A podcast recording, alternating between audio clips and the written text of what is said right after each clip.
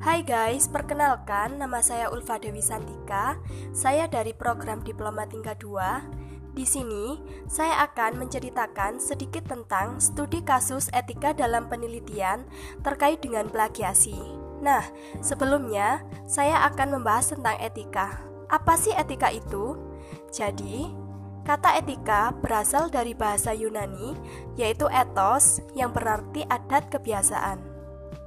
Etika merupakan suatu pemikiran kritis dan mendasar tentang ajaran-ajaran dan pandangan-pandangan moral. Etika berkaitan erat dengan masalah nilai. Sedangkan etika penelitian, suatu sikap dan acuan yang haruslah dijunjung tinggi dalam melakukan suatu penelitian agar penelitian dapat berjalan dengan lancar. Kemudian ada prinsip dasar dan kaidah etika penelitian. Etika penelitian memiliki berbagai macam prinsip-prinsip utama yang perlu dipahami oleh peneliti, yaitu yang pertama, menghormati harkat dan martabat kemanusiaan. Yang kedua, menghormati privasi dan kerahasiaan subjek penelitian. Yang ketiga, keadilan dan inklusivitas. Dan yang terakhir, memperhitungkan manfaat dan kerugian yang ditimbulkan.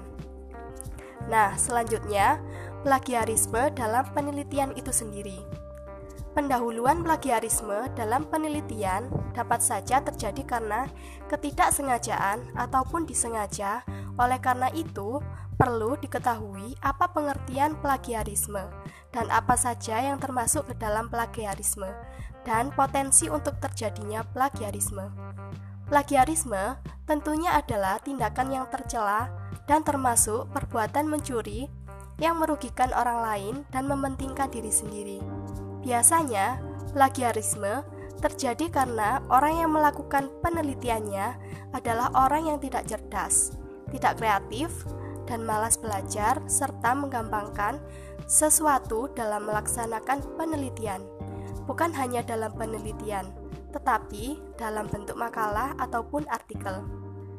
Jadi, dapat saya simpulkan bahwa etika penelitian yaitu prinsip-prinsip yang dijadikan sebagai pedoman berpikir, bersikap, dan bertindak dalam aktivitas-aktivitas penelitian. Sedangkan plagiarisme adalah penjiplakan atau pengakuan atas karya orang lain oleh seseorang yang menjadikan karya tersebut sebagai karya ciptaannya. Dengan batasan demikian, plagiarisme adalah pencurian, bahasa kasarnya pembajakan, dan plagiaris adalah pencuri atau pembajak. Nah, sekian dari saya.